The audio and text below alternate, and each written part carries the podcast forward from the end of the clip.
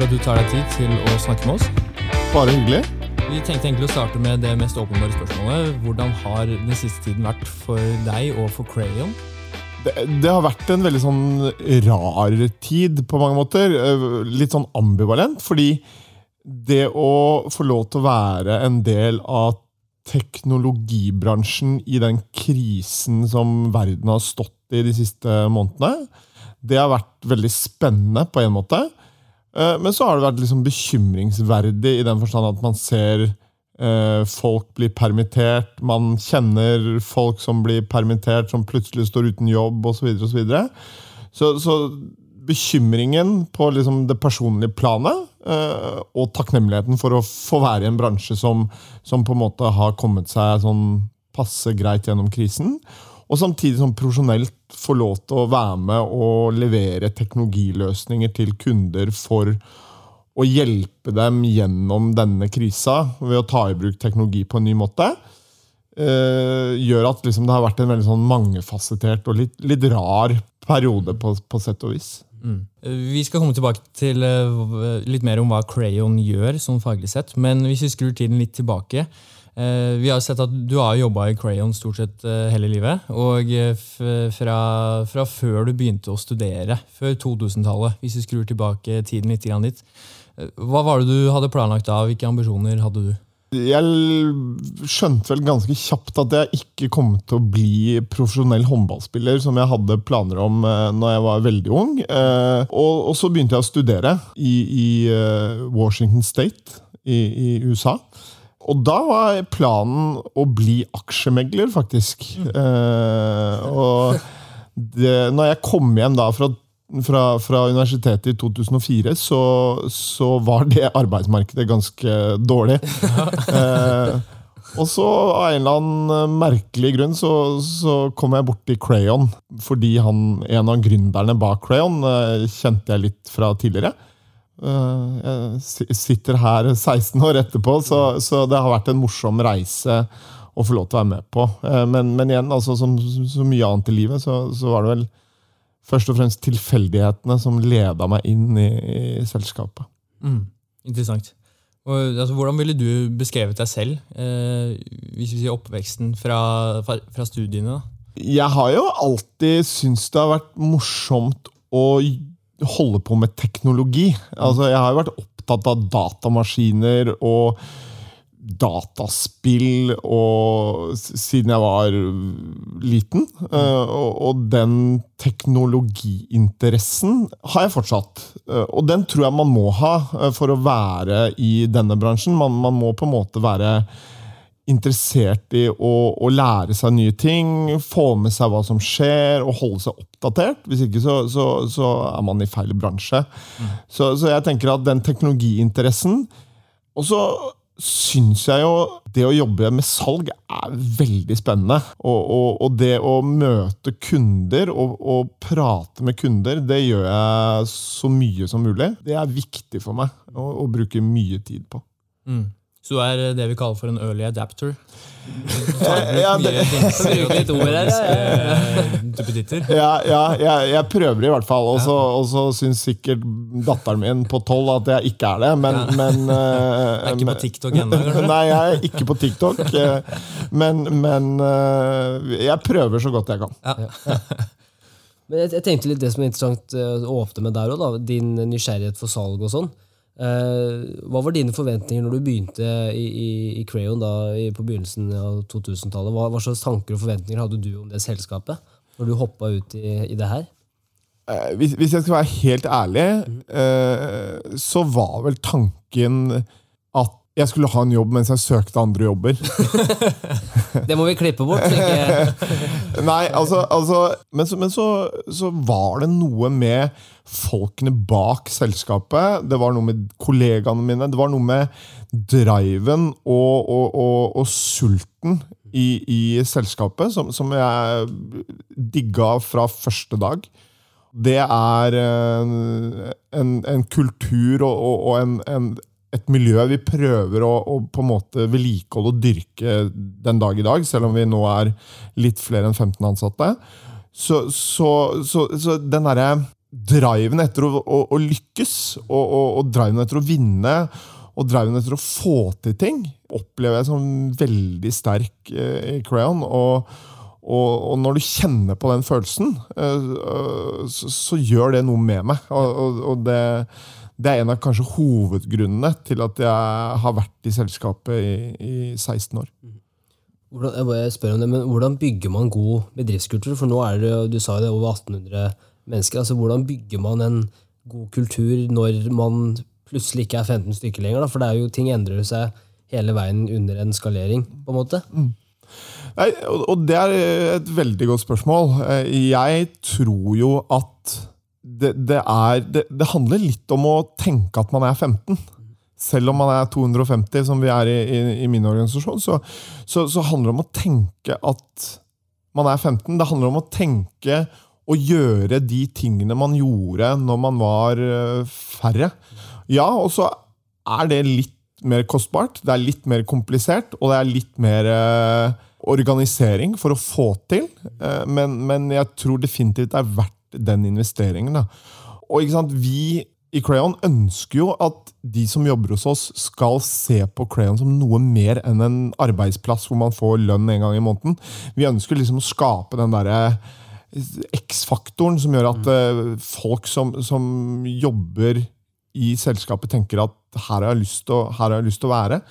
Og det, og det, er litt sånn morsomt, fordi vi har jo folk som Det er veldig få, riktignok, men det er noen mennesker som, som slutter hos oss.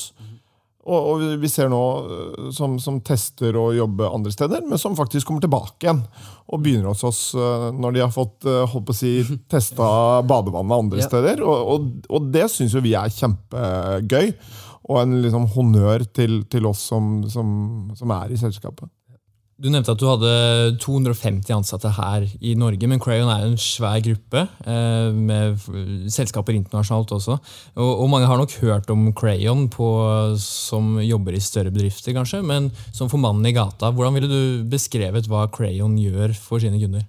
Crayon lever av å selge softwareløsninger til bedrifter og organisasjoner i Norge. Eh, altså, Dvs. Si softwareløsninger fra de store programvareprodusentene.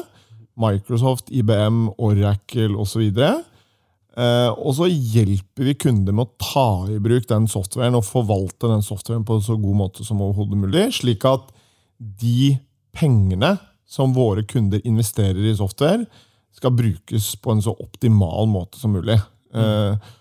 Og så er det jo nå selvfølgelig med uh, sky og alt som skjer rundt skyteknologi, så er det jo å hjelpe kunder å flytte fra type on-premise-løsninger opp i sky, og forvalte den infrastrukturen de da har i sky, på en god måte. Jeg tenkte jo litt i, i forhold til det med uh, på en måte digital endring, da, eller endringsledelse, handler veldig mye om også verktøyene de bruker. selvfølgelig. Mm. Eh, etter din erfaring nå både som på en måte mot, direkte mot kunde, men også som leder, hva føler du har vært noen av dine erfaringer i forhold til hva slags utfordringer, hva er vanskelig med endring? Da? Hvorfor er det så vanskelig for kundene dere har jobbet med? Jeg, jeg, jeg tror kanskje det å innse kompleksiteten er, er noe av det som jeg tenker veldig mange bommer på. Eh, fordi det å endre er, er, ofte komplekst, og det krever mye av folka som står i det, men, men også organisasjonene rundt. Så jeg tenker at eh, når vi jobber i teknologiprosjekter med kundene våre, så, så er liksom Én ting er software-løsningene og verktøyene som implementeres. -hmm. Det andre er jo liksom folka som skal ja. bruke softwaren å liksom skjønne og forstå at endringsprosjekter er 80% folk. Og mindset og kultur. Og kanskje 20-30% teknologi. Å skjønne det og akseptere at det er sånn, det tror jeg er eh, noe veldig mange eh, snubler på. Da. Fordi man oversimplifiserer kanskje eh, en del av de prosessene man står i når man skal gjennom endringer. Hvordan kan ledere få med seg folk når de skal eller gjennom endring? For det jeg tenker En ting er jo som leder, men også måte, alle har jo forskjellige perspektiver og forskjellige forventninger. og måte, hvordan, hva, hva, er det på en måte man første man bør gjøre? Som du sier, da, Innse at det er komplekst. Hva, er på en måte, hva, hva bør man gjøre for å få på plass den forventninga veldig tidlig i organisasjonen? Jeg jeg tenker, i hvert fall tror jeg, at det, det smarteste man gjør som leder, er å gå foran. Ja. Og, og rett og slett gjøre det du forventer at de rundt deg skal gjøre. Eh, og ikke forvente mer av de rundt deg enn det du gjør selv. Så, så det å lead by example tror jeg er eh, nøkkelen til suksess. I hvert fall, i hvert fall mener jeg det ut fra, fra min erfaring. Og, og, og den størrelsen på organisasjonen her i Norge, så, så, så tenker jeg at eh, det, det er i hvert fall det jeg eh, har tro på. At, at eh, ledere som går foran og som, som, som, som viser veien, er de som får med seg folk på en god måte. Og så handler det om å kommunisere, handler om å fortelle og være ærlig med folk og, og si at nå skal vi gjennom dette. Det kommer til å blåse litt, og det kommer til å bli litt eh, tøft. Eh, Men vi skal gjennom, og vi må gjennom. Å å være transparent med folk på det, tror jeg også er noe man får igjen for eh, i lengden. Du er norgessjef for Crayon nå, eh, men før du, før du ble det, så jobba du med å bygge opp Crayon i USA, stemmer ikke det? Jo, eh, jeg fikk en fantastisk mulighet for noen år tilbake, hvor, hvor Crayon skulle etablere seg i USA. Eh, og da reiste jeg over til, til USA og var der i to år. og, og, og startet da sammen med noen andre Crayon i USA. Så det, det var et, to fantastiske år. Eh, første året så, så pendlet jeg frem og tilbake. Var, var to uker i USA og to uker i Norge. Og, og det andre året så tok jeg med familien min og flytta til Denver i Colorado. Så, så det, det var en mulighet som, som eh, jeg er veldig glad for at vi hoppet på som familie. For å si det sånn. Men å bygge butikk i eh, USA kontra Norge, hvordan har det vært? Forretningskultur og Det er jo store forskjeller. Ja, og, og, og det er jo litt sånn I hvert- fall så tenkte jeg, selv om jeg hadde, jeg hadde jo studert i USA for mange år siden, og, og, og bodd der da i et par år, men jeg så jo fortsatt på USA som liksom ett land. Og det er det jo. Men, men eh, når, du, når du jobber spesielt med salg, og du erf får erfaring fra å jobbe liksom med alle delene av USA, så lærer du at det er ganske store forskjeller på på å selge til en kar på østkysten kontra en på vestkysten, eller en i Midvesten eller en i Texas.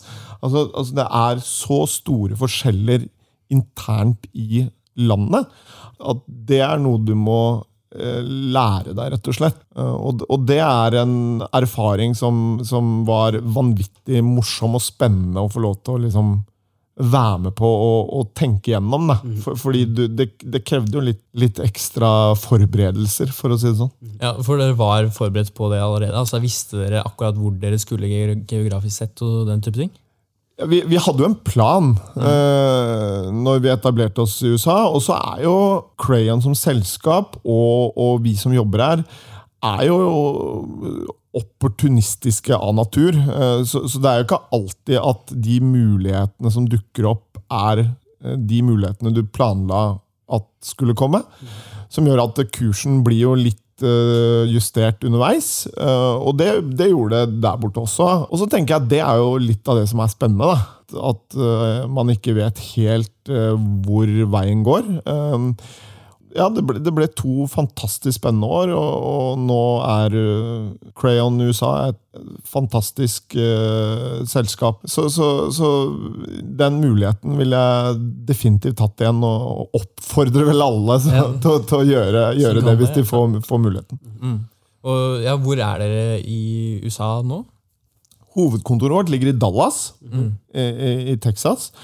Og så er det sånn at eh, vi har en veldig sånn desentralisert struktur, da, i den forstand at det, og, og det var også nytt for meg uh, når jeg kom over der, er at det er veldig vanlig å ha hjemmekontor yeah. i, i USA. Så, sånn at man, fordi landet er så stort, og fordi vi er så spredt, så tynt utover, så, holdt jeg på å si, så er, det, så er det veldig vanlig å jobbe hjemmefra.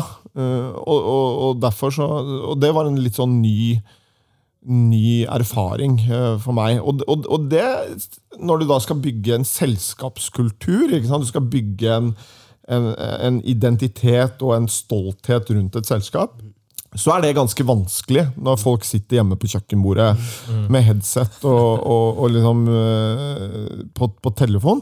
Så det var, uh, det var en utfordring. Men, men jeg, jeg, tror kanskje vi fikk det sånn passe bra til. Ganske bra, bra forberedt for korona her i Norge også, da, på en måte? Ja, ja. Og, og det, du kan si at det var uh, det var en god forberedelse sånn sett.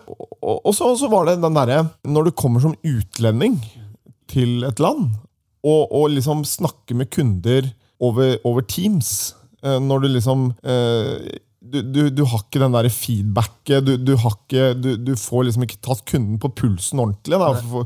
Og når du da i tillegg har den der utlending Du skjønner ikke helt uh, alt det som ikke blir sagt, hvis du, hvis du skjønner hva jeg mener, så, så syns jeg det, det synes jeg var litt vanskelig. Eh, men eh, vi kom oss gjennom det òg. Mm. mm. Altså Hvis vi går tilbake til forskjellene på Norge og USA og, bygge opp en bedrift, er, er det en av de største utfordringene? Det å lese litt mellom linjene og altså, forstå kulturen på en annen måte? Eller? Ja, ja. Det, det, tror jeg helt definitivt det er. Og, og, da tror jeg, ikke, jeg tror ikke du trenger å reise så fryktelig langt for å møte den utfordringen. Altså, Reis til Sverige ja. eller Danmark. Altså, altså, det er jo forskjeller eh, oss, oss, imellom på alt fra humor til ironi til bruken av, av den type virkemidler når man snakker sammen. Ja.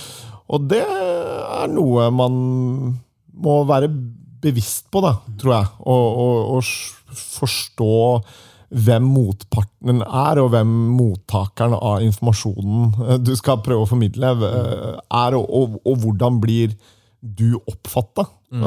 Det tror jeg er viktig at man tenker gjennom. Men eh, apropos det i forhold til forskjellen mellom USA og, og Norge. da, eh, Hvordan vil du beskrive at det er annerledes i forhold til det første med ledelse fra et ledelsesperspektiv, selvfølgelig, men også eierskap fra de ansatte? Hvordan vil du skrive de forskjellene? Min, min erfaring er at det er et mye mer si, dynamisk arbeidsliv i USA. På, på godt og vondt, i, i, den forstand at jeg tror jeg, jeg, opplever vel at ansatte i USA har hva skal vi si, mindre lojalitet til en arbeidsgiver enn enn jeg opplever man har i Norge. Eh, og vice versa. Eh, en arbeidsgiver har mindre lojalitet overfor de ansatte. Så, så det, det, er, jo et tøffere arbeidsliv, kanskje. Ja. Eh, jeg er veldig glad for at vi har det sånn som vi har det i Norge. Og, og, og så tenker jeg at det er jo viktig for oss som selskap å, å ha ansatte som, som ser på Crayon som, som, noe mer enn bare et sted hvor man får lønn. Liksom, mm. At man har den derre Man opplever at uh, liksom, Crayon skal være noe mer enn bare, bare et sted man er for å være For å få lønn? Rett og, ja, ja, og, og for, ja. å, for, å, slå i hjel tida si, liksom. Ja. Mm. Så, så, så, og, det, og, det, tror jeg vi har lykkes med. Mm. Så Du nevnte jo også det er viktig å forstå kulturen og den type ting når man kommer til et annet land, sånn generelt, men også selvfølgelig USA. Da vil jeg se for meg at det er viktig å ha noen lokale på plass, kanskje før man går inn i landet. sånn strategisk sett. Hvordan var det dere gikk fram for å etablere det eh, med tanke på menneskene? Ja, vi, vi gikk, eh, når vi etablerte oss i USA, så gjorde vi det gjennom to oppkjøp. Ja, okay. så, vi, så, vi, kjøpte to selskap. Eh, så når jeg holdt på å si flytta over, så var, så var vi jo allerede 50 mennesker eller noe sånt. Så, så, og det er klart, da har du, har du et utgangspunkt da, til å mm. begynne å vokse fra. Uh, og, så, og, så, gjelder det jo å ansette flinke folk uh, som, som, kjenner de markedene du har tenkt å, å, gå inn i, og som kjenner de hva, hva, skal vi si, den bransjen som man er en del av. Og det gjorde vi. Og, og, han som leder USA i dag, han var jo den, en av de første vi ansatte uh, når vi starta, for å si det sånn. Og han, og han er jo i, i selskapet uh, fortsatt. Mm. Og, og skulle, Når man skal skalere selskap, for jeg jo, som sagt jobber jo i Ardoc, og vi også har jo skalert internasjonalt.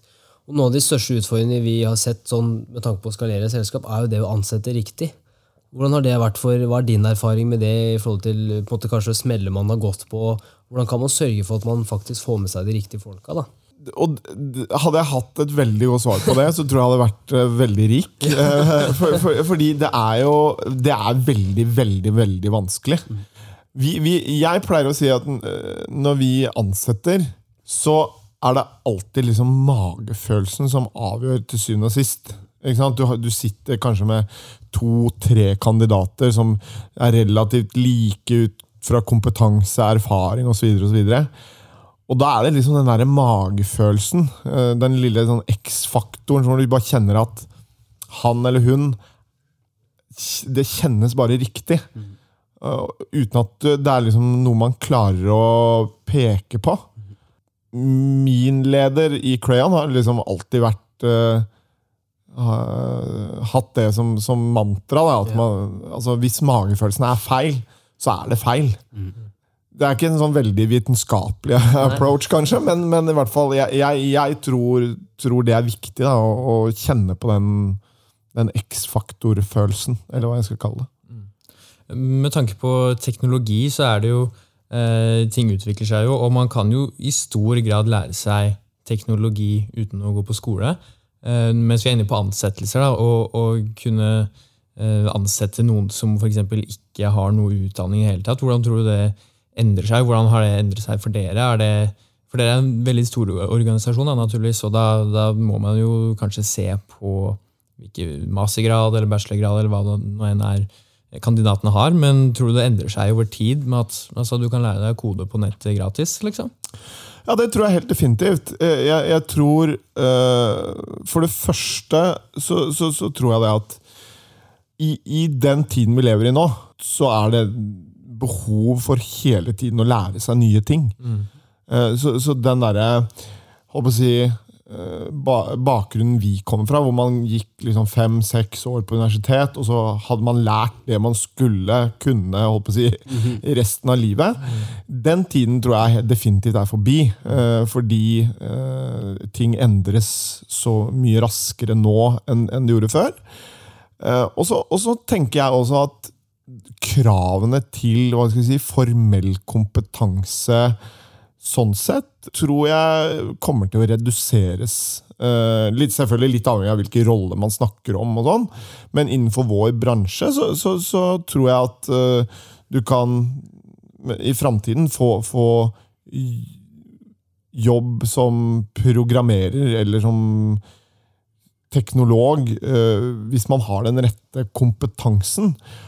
Og den kompetansen tror jeg man erverver liksom gjennom å, å ta noe utdannelse, i form av liksom sertifiseringer og, og klassisk utdannelse. Men så, så handler det veldig mye om erfaring. Mm. Og, og der tenker jeg at det kommer til å bli mer og mer fokus på den delen av Kall det CV-en øh, fremover enn en det har vært. Og så og så er jo i hvert fall Crayon som et selskap Vi, vi er et selskap som i dag også ansetter veldig mange som ikke har en sånn veldig sånn klassisk, kanskje akademisk bakgrunn. Og, og det, det har vi hatt god suksess med. Så, så, så litt avhengig av hvilken rolle man skal ha, så, så er utdannelse mer eller mindre viktig. Hvordan, eh, hva er din erfaring med å lede millenniumsgenerasjonen? Altså vi med puter under armene. og Hvordan har det vært for deg som leder? Har du hatt noe, noen gode eksempler, og kanskje noen dårlige eksempler også? Ja, det, eh, og, og det er et veldig godt spørsmål. Fordi, og det var en del av hva skal jeg si, ledelse som jeg kanskje ikke var så bevisst på. Eh, fordi jeg tenkte jo selvfølgelig som alle andre at jeg er jo relativt ung og, og, og, og vet hvordan millenniumsgenerasjonen tenker. Og så fikk jeg vel ganske kjapt erfare at det gjør jeg ikke. Men, men det, det, som, det som jeg liker, er jo den derre iboende utålmodigheten som, som er bra. Og så er det vanskelig å være et selskap som alltid klarer å levere på de ambisjonene millenniumsgenerasjonen ofte har på vegne av seg selv, eller på vegne av, et, på vegne av selskapet, så, så, så, så er det jo vanskelig å bevege seg i den farta mm. som, som eh, man kanskje skulle ønske. da. Og, og det er utfordrende for oss som selskap. eh, definitivt. Eh, for, fordi vi, vi har liksom så mange ledere i selskapet, og, og, og da er det sånn hvis, hvis man er veldig utålmodig etter en personlig karriere, så, så er det ikke alltid vi som selskap klarer å levere på det, dessverre. Hva du, hva kan, hva kan yngre lære av eh, eldre ledere? På en måte De som har mer erfaring, for jeg vet jo at det er noe som både jeg og Odin også, vi er jo utålmodige. Og vi skal, eller vi føler at vi har, vi har lært mye bare de siste årene også. Eh, Men vi, vi ønsker at ting skal skje her og nå. Men hva, det, hva kan vi som på en måte er kanskje mer naive da, og tenker bare fuck it, nå Ja. hopper vi uti det? Hva kan vi lære av de som faktisk har vært gjennom en, vært gjennom en vinterdag før? da? Oi. Um, d- det er eh, litt av det vi snakket om i sted, som handler om liksom å prøve å se liksom kompleksitet Ikke undervurdere kompleksiteten. Ja. Det er liksom å, å, hvis vi alle er enige om å løpe i en retning, så, så er det bra. Men det er ikke sikkert at vi skal begynne å løpe sånn med en gang. Eh, kanskje vi skal ta på oss sko først. Eh, og, og, og, liksom den kompleksiteten tror jeg ofte man glipper litt på. Da, fordi, fordi man, igjen, man, man innser ikke eh, alle, alle faktorene som kanskje spiller inn. Så tenker jeg jeg har litt lyst til å snu det litt rundt òg. For, fordi jeg tenker at vi som ledere har jo også fryktelig mye å lære av, av den utålmodigheten og den iveren og den derre gutset og tælet, tror jeg. Ja. Uh, og så- må man håndtere det på en god måte. Uh, så, så, så jeg tror definitivt at uh, ledere har mye å lære av, av de yngre generasjonene, eh, fremfor nødvendigvis motsatt. Ja, nei, ja, mens vi er inne på det med kompleksitet, da. Det er jo en stor diskusjon. Det er mange som mener mye om eh, man bør være spesialist eller generalist, en ting overfor den andre. Eh, men hvordan ser du på det? Ting blir mer kompleks, kompleks, i hvert fall når det kommer til teknologi. da. Så er det mange som mener at ja, da bør du spesialisere deg inn på noe. Jeg tror det handler veldig mye om hvilken rolle du har. Jeg, jeg tror eh, I hvert fall det vi jobber ganske hardt med i vårt selskap, det er jo å bygge kompetanse hos de ansatte. Eh, Fordi jeg tror eh, spesielt vi som er en konsulentorganisasjon, så, er det jo Det er viktig at våre folk liksom holder seg oppdaterte på kompetanse, på teknologi, og at de liksom bruker tid og investerer tid i å, å lære seg nye ting. Eh, og, og om, om det er spesialistkompetanse eller generalistkompetanse, det, det tenker jeg er, det, det vil variere fra rolle til rolle. Eh, men det er klart, hvis, hvis du er en arkitekt eh, på Asher, eh, så, så er det helt åpenbart at kravet til tung spesialistkompetanse er ganske stor. Men mens jobber du som selger hos oss, så, så er kravet til kompetanse fortsatt høy. Men, men, men vi, vi krever mye bredere generalistkompetanse enn enn enn om du skal inn og skru på, på serverne til, til kundene. Så, så, så det, er, det er på en måte de samme kravene, men bare i litt forskjellige dimensjoner, tenker jeg. Eh, Men, men det, som, det som er viktig, i, i hvert fall i vår organisasjon, det er jo det at kravet til kompetanse bare øker. Eh, enten om du skal liksom gå i dybde eller gå i bredde, så, er det, det, er, det, er, det er viktigere enn noen gang å, å ha kompetanse og, og, og kunne det du snakker om. Da. Ja, for dere jobber jo veldig mye med vi har nevnt Microsoft og Asher, og sånt, men også IBM og Alibaba, Amazon og den type ting også. Det er riktig. Så, så vi jobber med eh, alle de hva skal vi si, store softwareprodusentene i verden. Eh, jobber vi med. all, all hyllevare, for å si det sånn. Og der blir ting også mer kompleks, kanskje også? Nå, ja. Det, det blir ma mer og mer komplekst. eh, Og alle de store produsentene sier jo at liksom, ting skal bli så mye enklere med sky osv. Og, så videre, og, og det stemmer jo ikke. Eh, ting blir jo bare mer og mer komplekst, fordi eh, nå er det jo sånn at alle kunder, eller i hvert fall en stor andel av, av kundene, har jo litt on-prem på bakken og litt i sky. Og så skal man forvalte dette på tvers. Og, og den kompleksiteten der, eh, den er det mange kunder som, som river seg i håret over. Eh, og, og, og, den kompleksiteten tenker jeg jo også at eh, produsentene kanskje tenker eh, at det er en, nesten en villet strategi da, fra, fra produsentene. Fordi, fordi altså, det setter jo liksom Hva skal jeg si eh, Den kommersielle forhandlingsposisjonen til softwareprodusentene blir jo ganske mye sterkere hvis det er et høy grad av kompleksitet, eh, fremfor dersom det var en veldig enkel uh, struktur. Jeg, jeg, jeg tror nok til dels at det er en villet strategi fra, fra de store produsentene. Hvordan, eh, I forhold til kunde, kundene deres, hvordan vil du beskrive eller hvordan vil du, hvordan vil du illustrere eller eh, prøve det. hvordan vil du definere de som lykkes med nettopp det å gjøre riktig valg i forhold til leverandører og på en måte digital endring? Da, uavhengig av Crayon, men på en måte hva er det dere ser som bedrifter som lykkes med det, gjør bra? Eh, Nå vet jeg at eh, da, da, Nå gjentar jeg meg selv, da. Men det handler igjen om å liksom akseptere kompleksiteten. Og skjønne det at hvis, hvis vi skal flytte fra et datasenter i kjelleren til ut i sky, så, så, så akseptere at det, det er et prosjekt. Det er et betydelig prosjekt. Jeg trenger hjelp, jeg trenger eksperter. Jeg trenger eh, Det, det, er, noe, det er noen investeringer som skal på plass. Det, jeg, jeg må ha på et forvaltningsregime. Jeg trenger noe support. At man, man skjønner at det er ikke liksom bare å flytte noen servere og så skru av de greiene som jeg har i kjelleren, og så er jeg up and running. Å akseptere den kompleksiteten. De som gjør det, er de som lykkes.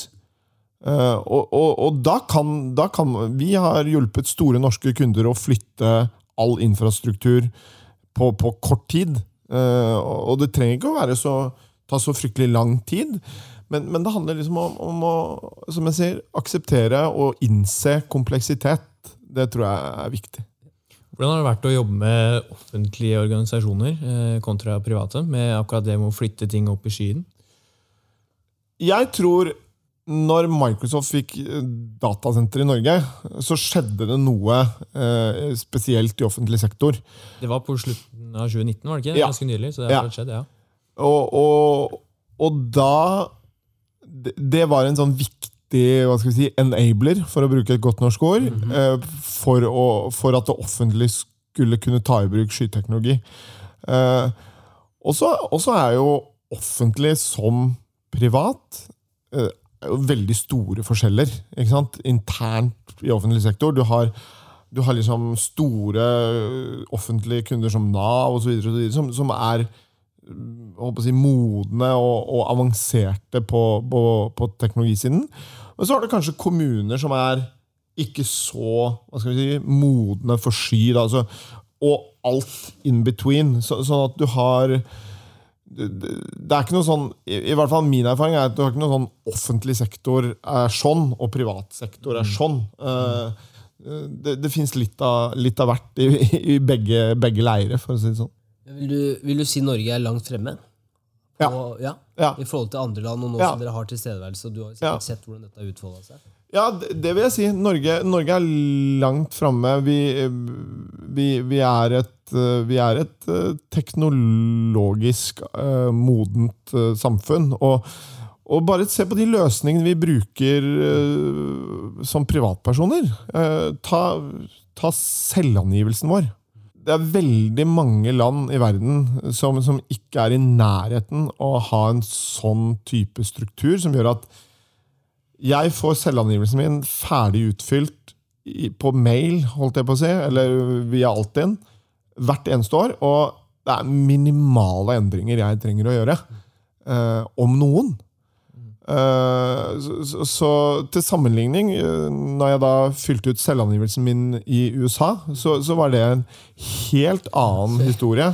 Uh, som tok lang, lang, lang tid og mange timer. Og, og hjelp fra folk som, som kunne det, osv. Så, videre.